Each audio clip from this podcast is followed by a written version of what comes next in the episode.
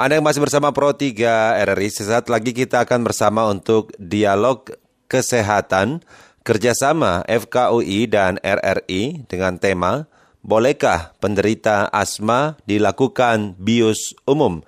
Dan juga ruang interaktif kita persilakan di 021 384 4545 386 2375. Dan WhatsApp kami silakan di 081 399 399 888. Dialog Kesehatan. Dialog Kesehatan bersama Dr. Sidarta Kusuma Manggala, SPAN KIC. Selamat pagi, Dok. Selamat pagi, Pak Bayu. Siap, jelang siang. Salam sehat selalu ya, Dok ya. Ya, selamat. Ya, sehat selalu. Nah, penderita asma, sesak nafas. Ini kalau korelasinya dengan bius, sebelum konteks pertanyaannya bolehkah, apakah ada uh, hubungan ataupun juga ada resiko dalam hal yang demikian ketika dilakukan pembiusan umum, dok? Ya, baik. Uh, mungkin saya jelaskan sedikit ya. Jadi memang ada resiko untuk pasien dengan asma uh, saat menjalani pembiusan, utamanya adalah pembiusan umum. Uh, permasalahan ini biasanya terjadi karena saat pembiusan umum uh, kita memasang alat bantu nafas dan terkadang pemasangan alat bantu nafas ini dapat memicu serangan asma. Sehingga kita harus melakukan beberapa hal uh, sebelum pasien tersebut menjalani pembiusan umum. Begitu Bapak. Hmm. Jadi pada intinya mengenai boleh dan tidaknya itu gimana berarti dok? Ya, baik. Jadi apabila memang sudah ada pasien dengan gangguan asma, maka apabila ia mau menjalani operasi, uh, kita akan melakukan namanya pemeriksaan praoperasi, praoperatif. Nah, biasanya kami bekerja sama dengan dokter-dokter dari bagian penyakit dalam uh, pulmo atau spesialis paru, spesialis pulmo. ya. Harus mengunjungi dokter uh, paru tersebut dan mendapatkan obat dan penil serta penilaian untuk uh, kondisi asmanya sehingga harapkan tidak kambuh saat dilakukan operasi begitu. Hmm. Walaupun kadang mungkin uh, bius kan biasanya di uh, apa ya mungkin disuntikan atau diberikan kayak di bagian punggung atau di bagian belakang atau bahkan di area hingga paha ke bawah itu tetap sama saja ya dok ya walaupun lokasinya. Ya, jadi kan tadi saya bilang kalau untuk pembiusan kan ada dua jenis ya. ya. Pembiusan yeah. umum uh, yaitu pembiusan kita membuat pasiennya tidur. Nah, kalau pasiennya tidur itu berarti kadang-kadang uh, bukan bukan kadang-kadang sering kali memang kita menggunakan alat bantu nafas buat pasien karena saat kita bius dia tidak bisa bernafas dengan leluasa karena efek-efek obat. Nah, untuk bius umum ini yang sebenarnya beresiko untuk mencetuskan serangan asma. Sementara untuk pembiusan satu lagi adalah pembiusan uh, setengah badan kita bilangnya ya, ya. kayak pada operasi sesar, kemudian operasi-operasi daerah kaki. Jadi kita suntikkan obat di uh, saraf tulang belakangnya sehingga perut dan ke bawahnya tidak kerasa dan kita dapat melakukan operasi di bagian perut ke bawah.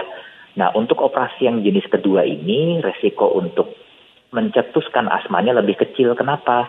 Karena kita tidak melakukan uh, manipulasi atau tidak jadi daerah mulut, hidung segala macam kita tidak memasang alat bantu nafas. Ya, Tuh, Bapak. Mm. Tidak dipasang alat bantu nafas. Wah, ini menarik ya, Dok ya. Iya.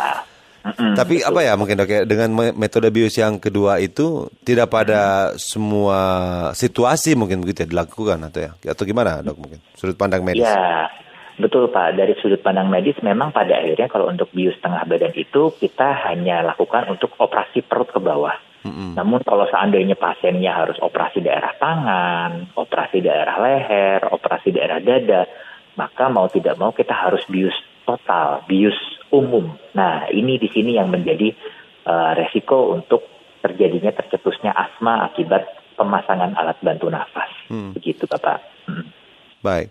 Pada prinsipnya dok, jika demikian dan memang harus mendapat penanganan kayak operasi, butuh kayak dilakukan pembiusan dari teman-teman anestesi begitu, uh, tidak ada metode lain mungkin begitu ataupun cara lain ketika mungkin bagi penderita asma yang harus melakukan uh, operasi dan pembiusan.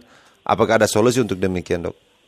Ah, seperti yang saya bilang tadi, jadi sebenarnya uh, resiko itu ada, tapi resiko itu bisa kita minimalkan. Minimalkan. Nah, ya. iya dengan uh, asesmen atau penilaian dan penata laksanaan dari dokter spesialis paru, dan kemudian kita juga nanti memilih obat-obat yang memang ramah lah buat pasien asma gitu. Jadi tidak mencetuskan asma obat-obat biusnya.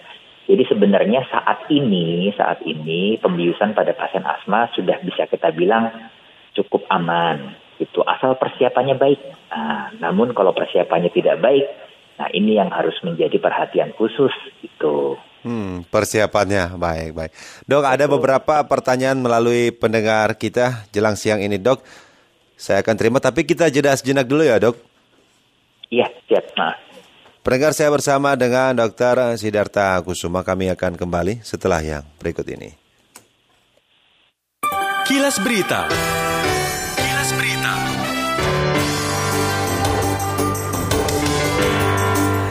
Ansu Fati mencetak gol Spanyol pertamanya selama lebih dari dua tahun saat tim asuhan Luis Enrique mengalahkan Yordania 3-1 dalam pertandingan persahabatan pemanasan Piala Dunia di Aman pada Kamis malam waktu setempat. Pemain depan Barcelona dengan usia 20 tahun tersebut lama mengalami masalah adanya cedera, tetapi seketika membayar tuntas adanya kepercayaan pelatihnya dengan penampilan yang sangat meyakinkan. Untuk informasi ini dan informasi lainnya dapat diakses di laman resmi kami rri.co.id. Kilas Berita Pro 3, Jaringan Berita Nasional. Tidak pernah terbayangkan oleh kami bahwa ini adalah kelalaian paling menyakitkan bagi kami. Kami kurang peduli untuk mengimunisasi bayi kami. Ini bukan persoalan yang boleh terus diabaikan. Kami abai memberikan imunisasi PCV pada buah hati kami hingga radang paru menyerang buah hati kami. Data menunjukkan radang paru atau pneumonia merupakan penyebab utama kematian pada anak di Indonesia. Setiap harinya 2 sampai 3 anak meninggal disebabkan radang paru atau pneumonia. Ayo, berikan imunisasi PCV pada anak usia 2, 3, dan 12 bulan, serta lengkapi imunisasi lainnya di posyandu, puskesmas, atau fasilitas layanan kesehatan lainnya. Pesan ini dipersembahkan oleh Kementerian Kesehatan Republik Indonesia.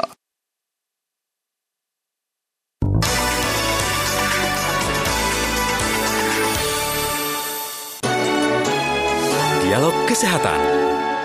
Pendengar, Anda masih mendengarkan sesi dialog kesehatan bersama Dr. Sidarta Kusuma Manggala, SP ANKIC, Departemen Anestesiologi dan Terapi Intensif untuk dialog kesehatan kerjasama FKUI dan RRI.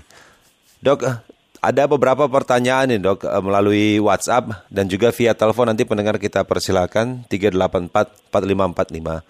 Yang ditanyakan ini yang pertama saya bacakan dari Ibu Frida yang ada di Probolinggo ditanyakan uh, dok saya tidak menderita asma namun ketika melakukan apa ya, operasi sesar yang kedua setelah efek biusnya hilang uh, apa ini? Oh ya kepala saya terasa sakit bahkan hingga tiga hari dengan sakit kepala yang begitu dahsyat. Mohon penjelasannya dok. Dari Ibu Frida penanya kita di Probolinggo dok melalui WhatsApp. Iya baik bapak. Ibu Frida selamat ya. siang.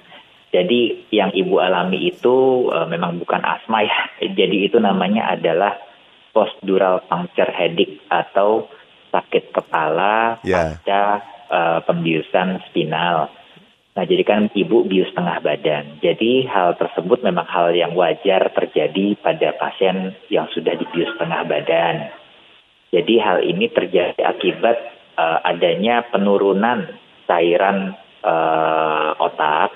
Yeah. Jadi hal ini mengakibatkan saat ibu duduk ada penarikan sedikit pada selaput. Nah, ini memang kadang-kadang sakitnya nyut-nyutan gitu ya. Nah hal ini memang nanti pada akhirnya akan hilang sendiri setelah beberapa hari dengan minum yang banyak dan mungkin juga ada beberapa obat yang bisa diberikan kepada ibu. Uh, biasanya itu obat-obatannya obat jenis paracetamol ditambah dengan obat kafein. Jadi kadang-kadang obatnya dalam minum kopi. Nah, namun yang perlu diperhatikan adalah saat ibu atau ada uh, dok atau ada pasien-pasien lain yang mengalami hal ini, hal ini harus dikomunikasikan kepada dokter yang ada di rumah sakit sehingga nyeri yang dirasakan di rumah sakit bisa teratasi gitu. Jadi jangan diem-diem aja gitu. Hmm. Jadi uh, kita harus banyak berkomunikasi dengan pihak rumah sakit gitu sampai tiga hari kan kasihan juga sakit kepala tiga hari. Ya mungkin itu dari saya. Ya apalagi ketika mungkin apa tadi bahasanya nih Bu Frida sakit kepala dahsyat mungkin sakitnya kayak belum pernah dialami kayaknya mungkin begitu dok ya. Tapi itu biasa lazim ya dok ya kalau uh, apa kayak setelah dilakukan pembiusan maupun efek setelahnya. Itu lazim atau gimana, Dok? Itu memang lazim ya, cukup sering terjadi. Jadi memang memang kalau kita bilang uh, kalau efek samping, uh, bukan efek samping ya namanya komplikasi dari tindakan uh, yang di atas satu persen. Nah ini termasuk yang di atas satu persen, jadi sering terjadi dan biasanya dia tidak bersifat berbahaya ya, cuma yeah. mengganggu. Nah mengganggunya ini nih susah. Ya, jadi memang ada beberapa hal yang bisa kita lakukan seperti tadi beristirahat, terus kemudian kepalanya jangan terlalu diangkat, dan kemudian ada obat-obatan khusus untuk menghilangkan nyerinya yang diberikan oleh pihak rumah sakit. Iya. Ada lagi pertanyaan melalui WhatsApp saya bacakan dari Pak Ramdan yang ada di wilayah Parepare. Pak Ramdan menanyakan, e, dok, ada keluarga saya menderita asma dan juga ada e, mengalami gangguan medis, utamanya di bagian THT. Jika dilakukan bius, sebaiknya biusnya bius uh, setengah sadar atau memang bius yang hingga dibuat tertidur mungkin maksudnya. Iya, yang dibuat tertidur, Dok. Seperti yang tadi ya. kita cerita di awal. Itu baiknya gimana, Dok?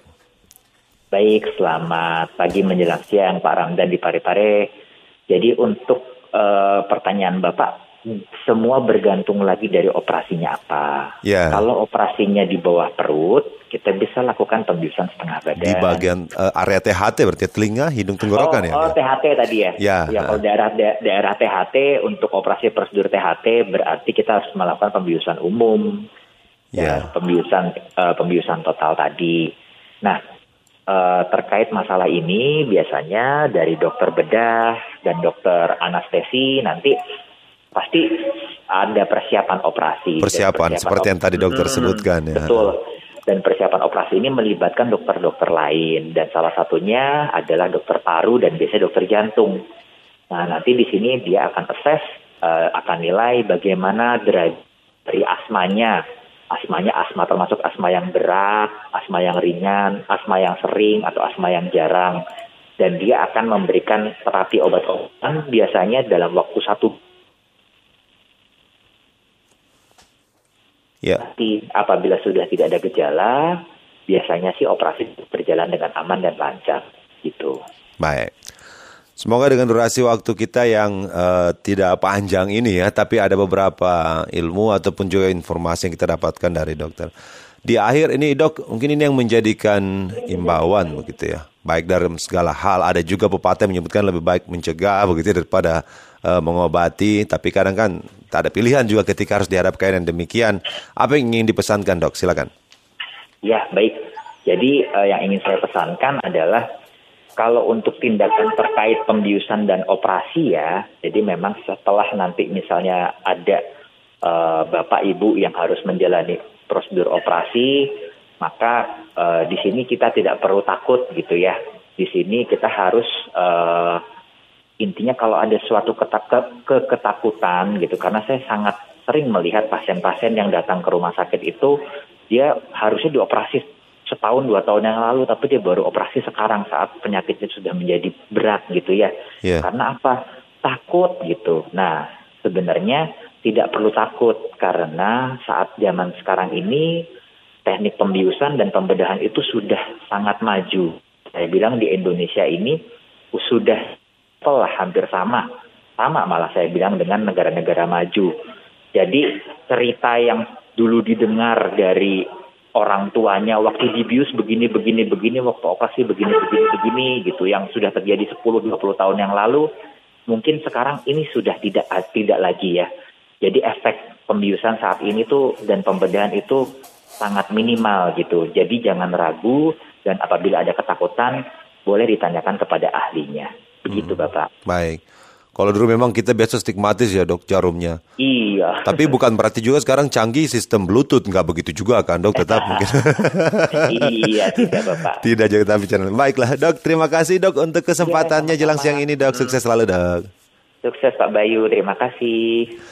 Demikianlah pendengar untuk sesi dialog kesehatan kerjasama FKW dan RRI dengan bahasan bolehkah penderita asma dilakukan bius umum. Tadi Anda sudah dengarkan langsung ya bagaimana paparan dari sudut pandang medik, uh, medis bersama Dr. Sidarta Kusuma Manggala, SPAN KIC dari Departemen Anestesiologi dan Terapi Intensif. Dialog Kesehatan